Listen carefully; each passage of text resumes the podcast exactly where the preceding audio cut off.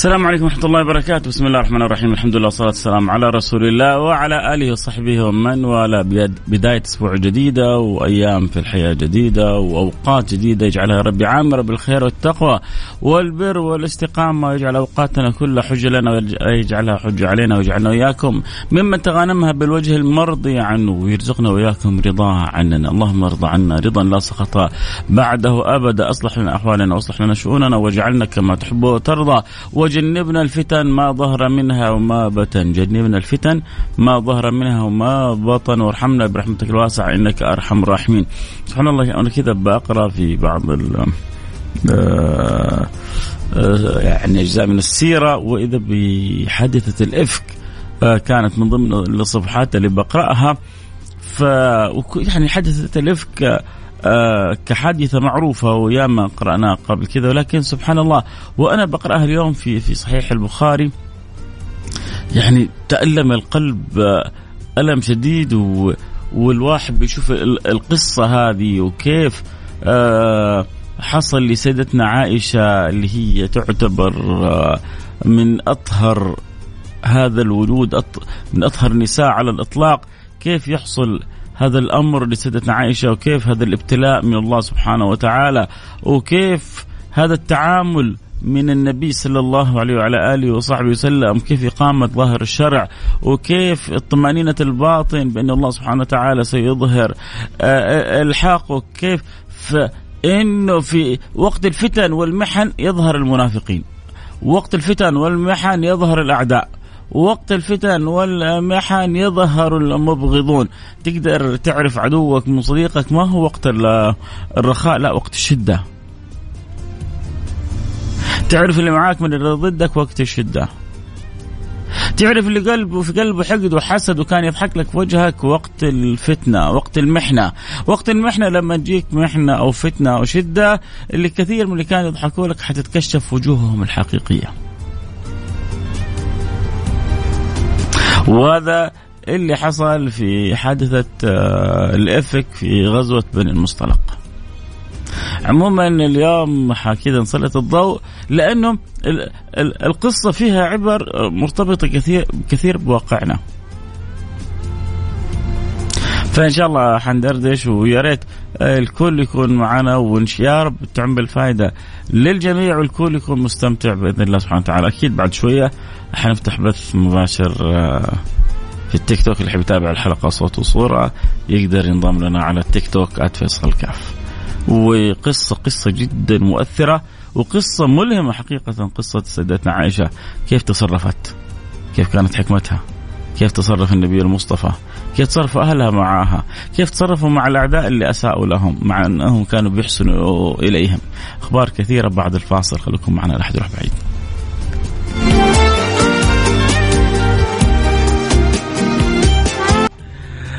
السلام عليكم ورحمة الله وبركاته. حياكم الله. يا مرحبا بأحبتي. برحب جميع المتابعين والمستمعين اللي معايا في برنامج النظارة البيضاء. واليوم قلنا بنتكلم عن قصة حصلت لسيدتنا عائشة. قصة حقيقة يعني تحتاج أن يكون عندها وقفات كثيرة. طبعا الحلقة ما حتكفي القصة لكن هحاول أسلط الضوء على بعض المواقف اللي فيها. ومن أهمها آه، كيف إن هذه الفتن تظهر لك العدو من الصديق؟ وكيف هذه الفتن آه، كيف تبين لك معادن الناس؟ وكيف انه هذه المحن أحيانا آه، تحتاج أن تلتجأ فيها إلى الله سبحانه وتعالى حتى ينصرك الله سبحانه وتعالى. لأنه أحيانا تكون من حيث الظاهر أنت مظلوم. يعني أقصد من حيث الظاهر أنت ظالم ولكن في الحقيقة أنت مظلوم. أحيانا تكون بعض المستندات والأدلة ضدك. أنت يعني بالخطأ وقعت في بعض الأدلة اللي خلت بعض الأمور ضدك. وأنت بريء. أنت بريء من هذا الموضوع براءة الذئب من دم يوسف. دائما لما يبغوا يبروا واحد أقوى مثال يجيبوه له يقولوا له أنت بريء من هذا الموضوع براءة الذئب من دم يوسف. لأن إخوان يوسف لما رموه في البير إيش قالوا؟ أكله الذئب. والذئب لا أكل ولا شاف ولا درى ولا عرف. ولكن حاولوا يلفقوا التهمة فلفقوها للد وحتى أبوهم سيدنا يعقوب ما صدقهم. وهم قالوا إنك أنت ما حتصدقنا. هم عارفين إنه الكاذب الكذاب عارف نفسه.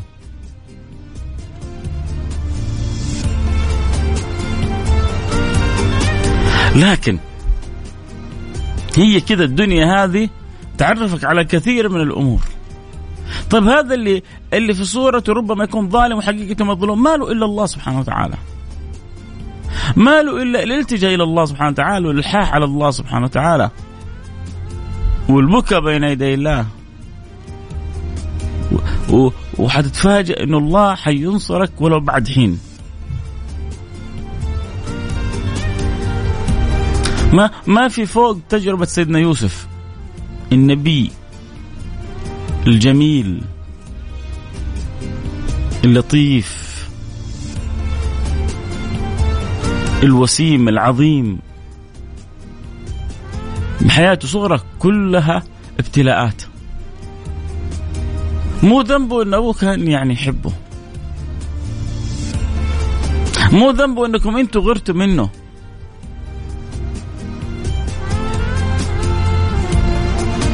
يوم من الأيام قالوا لشيخ آه، أحد النجباء وأظن سيدنا الجيلاني إنك أنت ليش تميز الجيلاني علينا؟ وكان سيدنا عبد القادر الجيلاني لسه في مقتبل عمره. إذا صحت القصة في نسبتها للشيخ عبد القادر الجيلاني.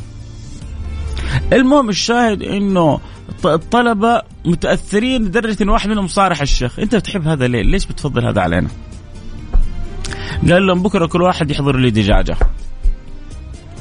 بكرة كل واحد يجيب معاه دجاجة.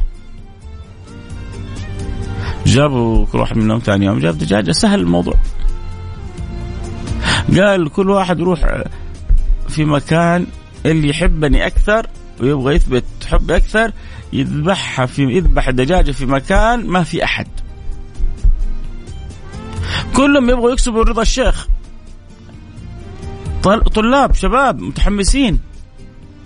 راحوا ذهبوا ورجعوا كل واحد منهم ذبح دجاجه إلا هذا الطالب الذي كان يحبه الشيخ. فرحوا الطلب والبقية. آه هذا الوحيد اللي ماخذ في مقلب الشيخ.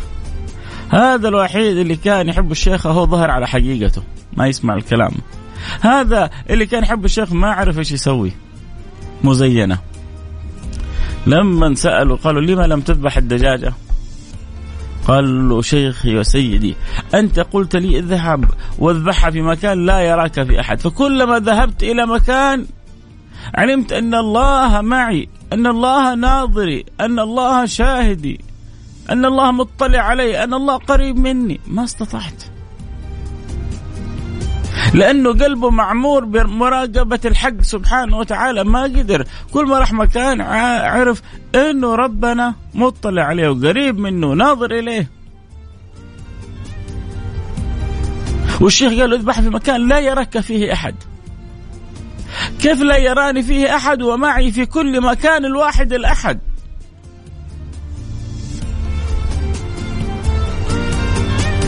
فقال فبهذا فاقكم. هذا لأنه قلبه عامر بالمراقبة لله سبحانه وتعالى فاقكم. لأنه قلبه عامر بالإيمان فاقكم.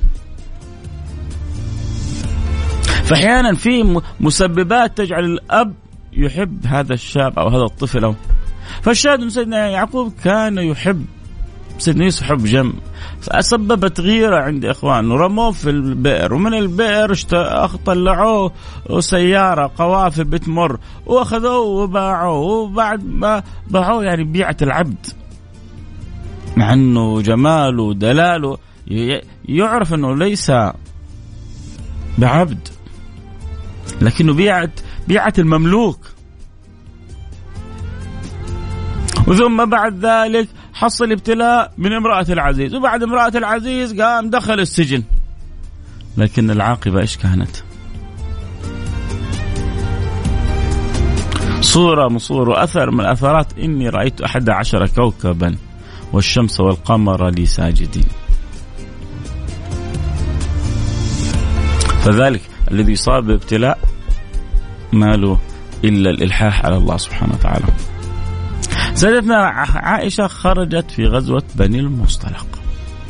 كان النبي صلى الله عليه وعلى آله وسلم إذا أراد أن يخرج غزوة اقترع بين النساء فمن وقعت عليها القرعة أخذها. فوقعت القرعة على سيدتنا عائشة فكان نصيب سيدتنا عائشة أن تخرج مع سيد رسول الله حتى تحصل هذه القصة. ما القصة؟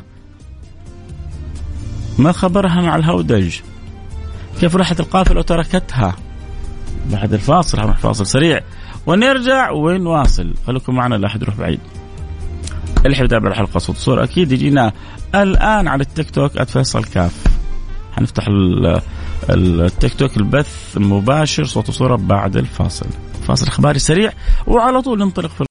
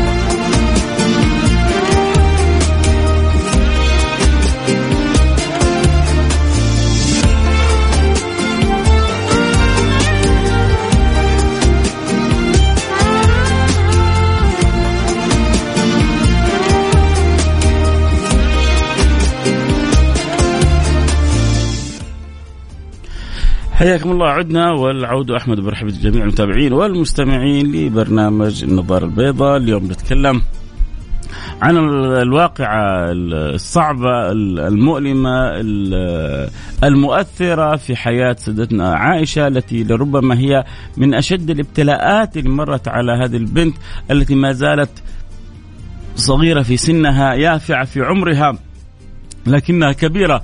في قدرها وكبيرة في منزلتها تعرضت إلى إلى ابتلاء لربما لو تعرض للجبال نسف ذلك الجبل لو تعرض للبحار لفاضت وحصل لها آه، طوفان ولربما حصل لغيرها لما استحمل ولما تحمل هذه الابتلاءات ولكنها لما يريد الله رفع الدرجات وعلو المقامات قد يحصل شيء من هذه الابتلاءات. خرجت سيدتنا عائشة بعد أن استهم رسول الله صلى الله عليه وعلى آله وصحبه وسلم من يأخذ من زوجاته فوقعت القرعة على سيدتنا عائشة. فخرجت معه في غزوة بني المصطلق وهي على الهودج. في وقت راحتهم لما ناخوا الجمال وأنزلوا الهودج تذكرت سيدتنا عائشة أنها فقدت عقدها.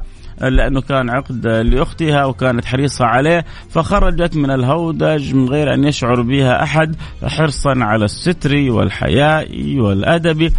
ثم بعد ذلك جاءت وقت الحركة للقافلة فأرجعوا الهودج إلى فوق الناقة. وما تنبهوا إنه الهودج خفيف لأنه لما نزلوه كان خفيف. لأنه سيدتنا عائشة حجمها لطيف ووزنها خفيف ف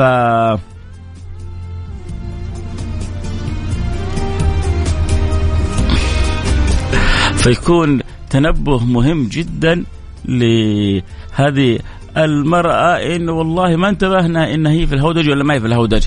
الشاهد إنهم أرجعوا الهودج في مكانه وتحركت القافلة. لما تحركت القافلة سيدتنا عائشة رجعت إلى مكان القافل ما وجدت أحد.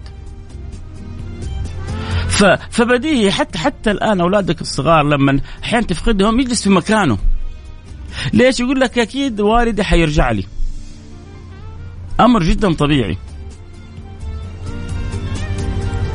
الذي حصل هم ما شعروا إن سيدتنا عائشة مش موجودة معاهم.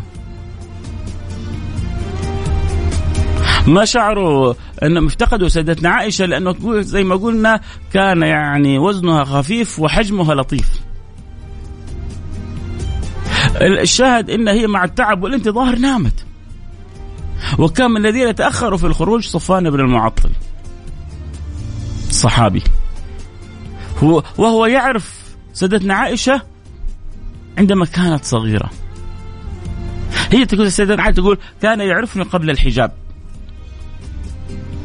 قبل ما تنزل آية الحجاب قبل ما تتحجب من صغيرة أصلا هي تزوجت صغيرة سيدتنا عائشة. فلما رآها انصدم وقال زوجة رسول الله. إنا لله وإنا إليه راجعون. طبعا تأثر لأنه زوجة النبي المصطفى كيف تكون هكذا في الصحراء لوحدها؟ أنت متخيل؟ زوجة أهم واحد في ذلك الزمان ملقية في الصحراء. ولسه هو ما يعرف إيش القصة.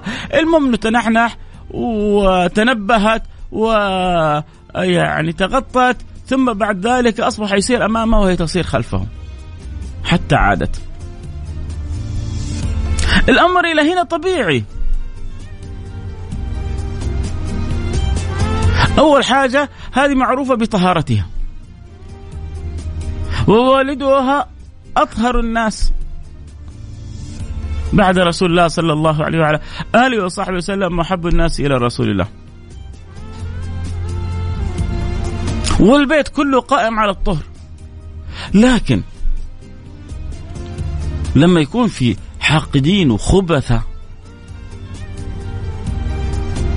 سبحان الله الفتن هذه تظهرهم. أحيانا أنت لما يمر ببيتك تمر ببيتك أزمة تبغى تعرف الحاقدين عليك على أسرتك يبانون في هذه الأوقات. لما تمر. بيك أنت مشكلة تبغى تعرف اللي يحبك من اللي ما يحبك؟ لما تمر بيك مشكلة حتحصل ما يحبك على طول يفرح فيك. أحيانا هو ما يفرح فيك إنه ويجلس يضحك في وجهك لكن لا أحيانا تشمت وأحيانا يطلع يطلع يطلع الحقد في كلامه. شفت؟ يستاهل. يا ما نصحناه. يا ما قلنا هذا ما في فايدة. هذا هو سبب المصائب كل اللي جالسة تجيله. يا أخي فلان في مصيبة. يعني واحد شاب في ثوب ونار. بدل ما يجيب الموية يطفئ الموية من على الثوب اللي عليه. لا جالس يتفلسف. يا أخي قلنا له لا يقرب من النار كم مرة نصحناه؟ هذا ما في له فائده عنيد يا أخي هذا. أنت الحين انت صاحي ولا نايم ولا؟ أول أنهي الموقف وبعدين تفلسف ولا تكلم. أول اعرف إيش آه، أبعاد الموقف بعدين احكم لكن المنافقين على طول ما صدقوا وحصلوا فرصة ليطعنوا في شرف رسول الله. وسيدة عائشة رجعت وما هي عارفة إيش الوضع. حصلت أم مسطح تسب في مسطح ولدها. ليه؟ مع إنه مسطح ممن شهدوا بدر يعني. فأصحاب بدر مقامهم عظيم.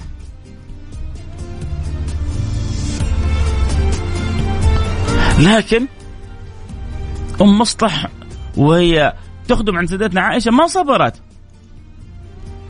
إنه هذا يتكلم على أشرف النساء وأشرف البنات. فبدأت تسأل. فصدمت صعقت سيدتنا عائشة لما عرفت إنه في ناس تتكلم في عرضها. بس برضو مصدومة. مو متخيلة أنه في أحد ممكن يتجرأ ويفكر بالتفكير هذا. يا جماعة الذي اختار عائشة زوجة لرسول الله هو المولى تعالى في علاه. الله جعل أفضل الصحب هم أصحاب النبي المصطفى وأفضل النساء زوجات النبي المصطفى. وأفضل الآل آل بيت النبي المصطفى. كيف كيف تتقبل الفكرة ان أن يحصل هذا من أطهر الخلق؟ لكن الشيطان ولكن أعداء الدين ولكن المنافقين في المدينة. ومين تزعم الفتنة؟ عبد الله ابن أبي بن سلول. منافق. منافق درجة أولى منافق نمره واستمارة. أخذ يتكلم على سيدتنا عائشة. ال ال ال ال ال المؤلم انه بعض الصحابة تأثروا بهذا الكلام.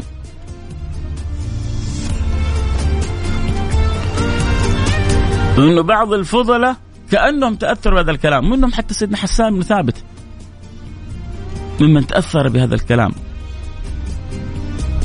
ومصطح هذا. بتعرفوا إيش مشكلة مصطح يا جماعة؟ أي مصطح الذي ينفق عليه سيدنا أبو بكر الصديق. الجالس مهتم بأمره ويراعيه ويتدبر أموره سيدنا أبو بكر. يعني يعني هو ينفق عليك وأنت تطعنه في شرفه. أقل يا أخي أنت أولى الناس بأن تتحفظ على كلامك وعلى لسانك وأن تصمت وأن تسكت. شيء غريب. شيء غريب من بعض البسطاء لما ينقل لهم بعض الكلام. ولذلك لما ينقل لكم كلام عن فلان وعن علان أي الذين آمنوا إن جاءكم فاسق بنبأ فتبينوا أن تصيبوا قوما بجهالة فتصبحوا على ما فعلتم نادمين. لما أحد يجيب دائما خذوها نصيحة من أخوكم آه، فيصل. عود نفسك ألا تسمع عن اسمع من. لما يكون كلام عن أحد معين عود نفسك ألا تسمع عن اسمع من. يعني لا تسمع عني اسمع مني. يجي واحد يقول لك فيصل فعل وفيصل ترك وفيصل كذا فيصل كذا فيصل كذا. هذا فلان يقول لك يقول له طيب خليني أنا أسمع من فيصل. عود نفسك أن تسمع من. يا أخي أنت عندك عقل آه أبو الطفيل الدوسي تعرفوا الصحابي الجليل هذا؟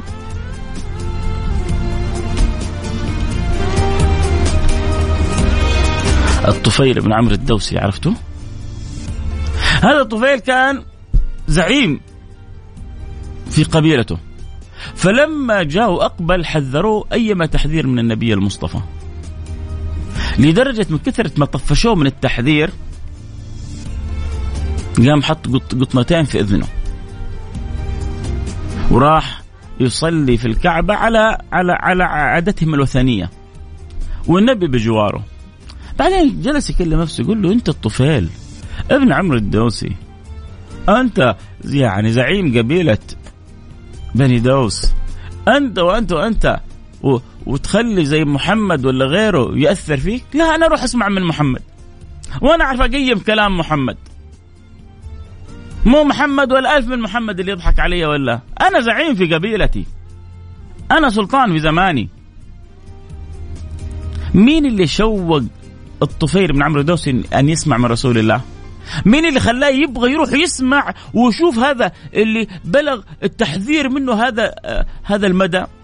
كفار قريش من كثرة ما يحذر من النبي شوق الطفيل لأن يسمع من رسول الله. نزع القطنتين راح عند النبي سمع منه. أول ما سمع من النبي عرف أن النبي على حق. وأنه هذا كلام حق. وأنه هذا كلام رباني ما هو كلام إنساني. فما كان من الطفيل إلا أن أسلم. ورجع إلى قومه وكل قبيلته أسلمت. والسبب أنه أسلمت قبيلة بني دوس تحذيرات كفار قريش. فلذلك أحيانا لما يجيك أحد يكلمك وبالذات أنت تعرف إنه فلان طيب يا أخي. فلان يا أخي إنسان ما شاء الله تبارك الله. كلامه طيب سمعته طيبة. بس يا أخي يجيبون عنه كلام. يا أخي اسمع منه. لما يجي حد يكلمك عن قريبك يجيك في في في في, في شوف تسمع عن فاعلين الخير في فاعلين شر. في زي ما في الأسر وفي البيوت في فاعلين خير في فاعلين شر. يجي يكلمك آه، فلان عن ابن عمك عن خالك اوه قول له طيب طيب طيب لحظة لحظة الحين برفع السماعة الحين رفع السماعة بتأكد يقول لك لا لا لا لا لا لا لا, لا تكلموا ها عشان تعرف إنه كذاب ليه لا اكلمه؟ مو أنت تقول فيه ويخطي؟ فلذلك لا لا تكن خفيف ولا بسيط ولا تجعل أحد يأثر فيك. المهم إنه سيدتنا عائشة جرى ما جرى في حادثتها فراحت عند أمها. فعرفت إن أمها وصل لها نفس الكلام. راحت عند والدها سيدنا أبو بكر الصديق. سيدنا أبو بكر الصديق صار متحير، إيش يقول؟ ساكت. بعدين جاء الخطاب النبي صار شهر كامل ما صارت تشوف البشر اللي الذي يعني يا جماعة يعني الرسول هذا تخيل أنت عايش يا, يا, سيدي أنت لما تعيش مع واحد تحبه تحس الدنيا كلها ما هي سايعتك في لحظة الفرح ولحظة الزعل تحس الدنيا كلها سودة في وجهك.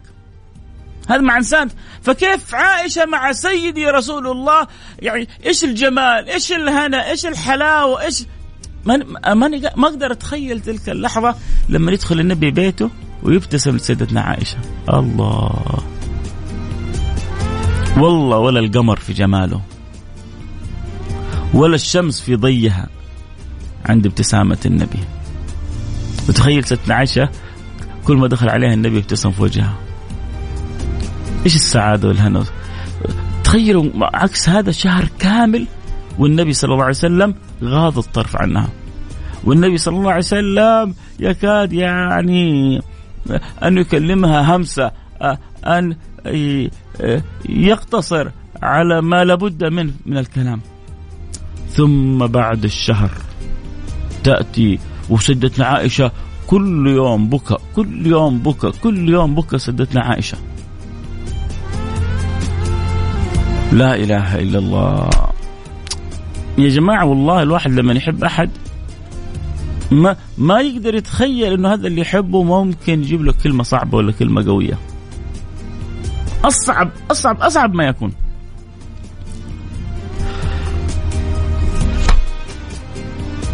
سيدتنا عائشة النبي صلى الله عليه وسلم واجهها ب بعبارة كانت أصعب عليها من من هدة الجبل. هنروح فاصل سريع ونرجع نكمل حديثنا. ونقول لكم إيش قال النبي لسيدتنا عائشة؟ صدمت سيدتنا عائشة. من شدة الصدمة قالت كنت كثيرة البكاء. بعد هذه العبارة ما نزلت ما نزلت لي دمعة واحدة. قطرة دمعة ما نزلت بعد العبارة هذه. ليه من شدة الصدمة؟ لأنه هذا الكلام من أعز مخلوق على قلبي. هو اللي يقول لي الكلام هذا. إيش الكلام؟ بعد الفاصل. أكيد اللي يحب يتابع الحلقة صوت وصورة ينضمون على التيك توك @فيصل كاف. تبغى تتابع الحلقة صوت وصورة؟ تعال على البث المباشر الآن تيك توك @فيصل كاف. والله يملأ قلوبنا حب لهذه المرأة العظيمة التي أحبها رسول الله صلى الله عليه وسلم. يحفظنا ويحفظ أولادنا بناتنا من الفتن والمحن ما ظهر منها ما بطن. يسلمنا من الابتلاءات ويجعلنا ملطوف بنا في أوقاتنا كلها. فاصل سريع نرجع نواصل. خليكم معنا لا يروح بعيد.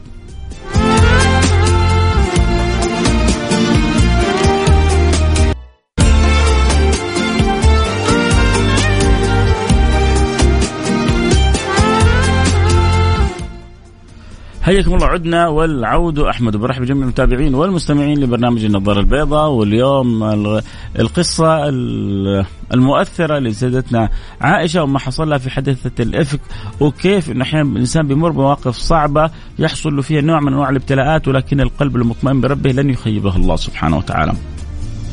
الشاهد إنه بعد ما رجعوا من الغزوة وبدأت تنتشر يعني أخبار القصة تصدرها زعيم المنافقين وللأسف بعض الصحابة آه، ما تعمقوا في يعني في في الفكرة ولا في الأمر وصدقوا هذه آه، هذا الكلام. وبدأوا بعض حتى الصحابة الطيبين يتنقلون بعض الأخبار المؤلمة لرسول الله والمؤلمة لسيدتنا عائشة لأنه رسول الله ما يحب أحد مثل سيدتنا عائشة. في فيؤذيه الكلام الذي يجرح في سيدتنا عائشة يؤذيه الكلام. لكنه الآن أمام أمر آه، تفشى ذكره في المدينة، المنافقين عملوا وكالات سي ان ان نشروا كذا الأخبار بقوة إنه عائشة مع صفوان بن المعطل عملوا يعني أمور عطلت الدنيا. فشوف الإجرام كيف بلغ بلغ مداه. وبعدين ما حصلوا يعني قمة الغباء ما حصلوا إلا أن يتجرأوا على يعني قمة الهرم على على على صفوة الخلق. أنتم أنتم أنتم مغفلين أنتم ما أنتم عارفين انه آه، إن يعني إن معي ربي سيهدين. تظنون أن الله سبحانه وتعالى سوف يترك الأمر هكذا؟ الشاهد إنه بعد شهر من من المعاملة التي فيها شيء من الجفاء آه سيدتنا عائشة كان النبي صلى الله عليه وسلم قليل البشر معها قليل الكلام معها ما ما اعتادت على كذا سيدتنا عائشة. وبعد هذا الشهر كله يجي يقول لها يا عائشة إن بلغني عنك كذا وكذا. فإن كنت بريئة فسيبرئك الله. تخيل أنت هذا اللي تعشق كل حاجة فيه. حبيته حب ما بعده حب. وفوق هذا هو سيد الخلق وزينة الخلق ونور الخلق. وعارف إنه المؤيد من رب العالمين وهو يجي يقول لك بلغني عنك كذا وكذا.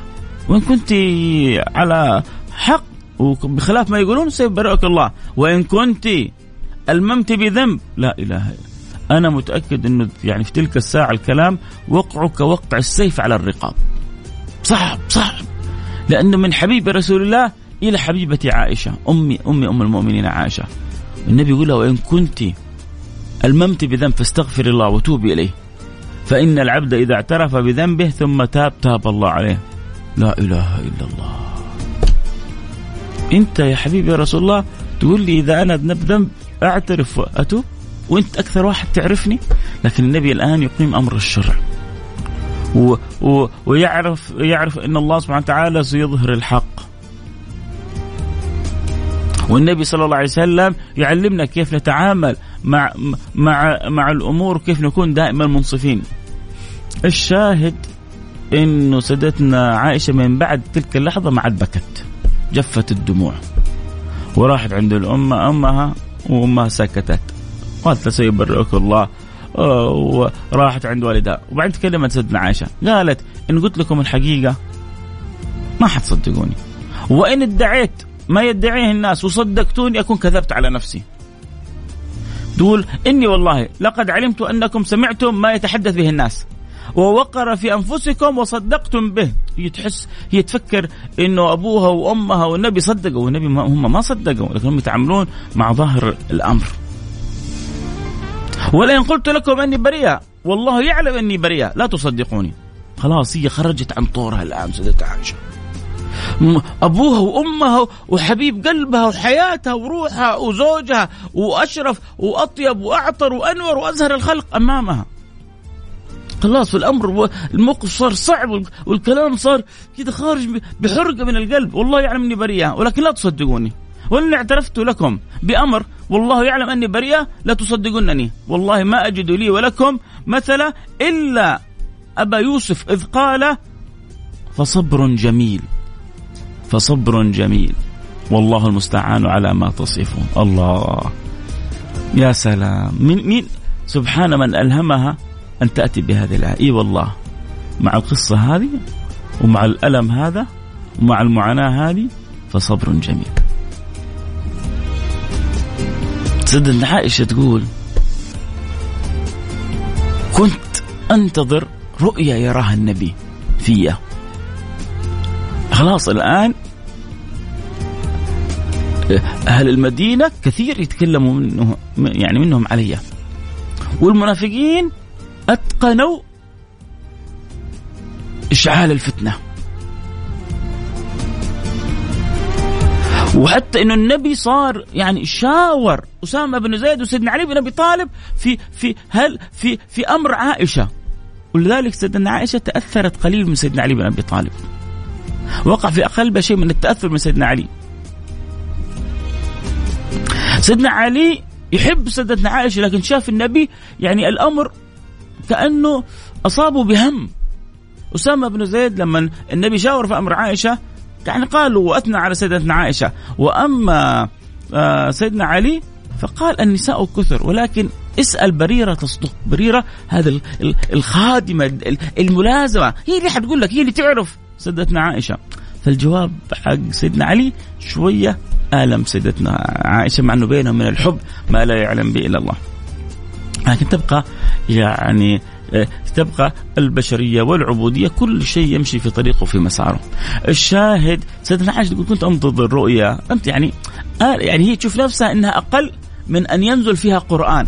فإذا بالقرآن ينزل في سيدتنا عائشة فيفرح رسول الله فرح شديد أبشر يا عائشة فقد برأك الله وينزل قول الله سبحانه وتعالى إن الذين جاءوا بالإفك عصبة منكم لا تحسبوا شرا لكم بل هو خير لكم إلى آخر الآيات فحصلت البراءة لخير نساء الأرض والسماوات سدتنا عائشة رضوان ربي عليها آه، ورزقنا الله محبتها وعلق قلوب بناتنا بها.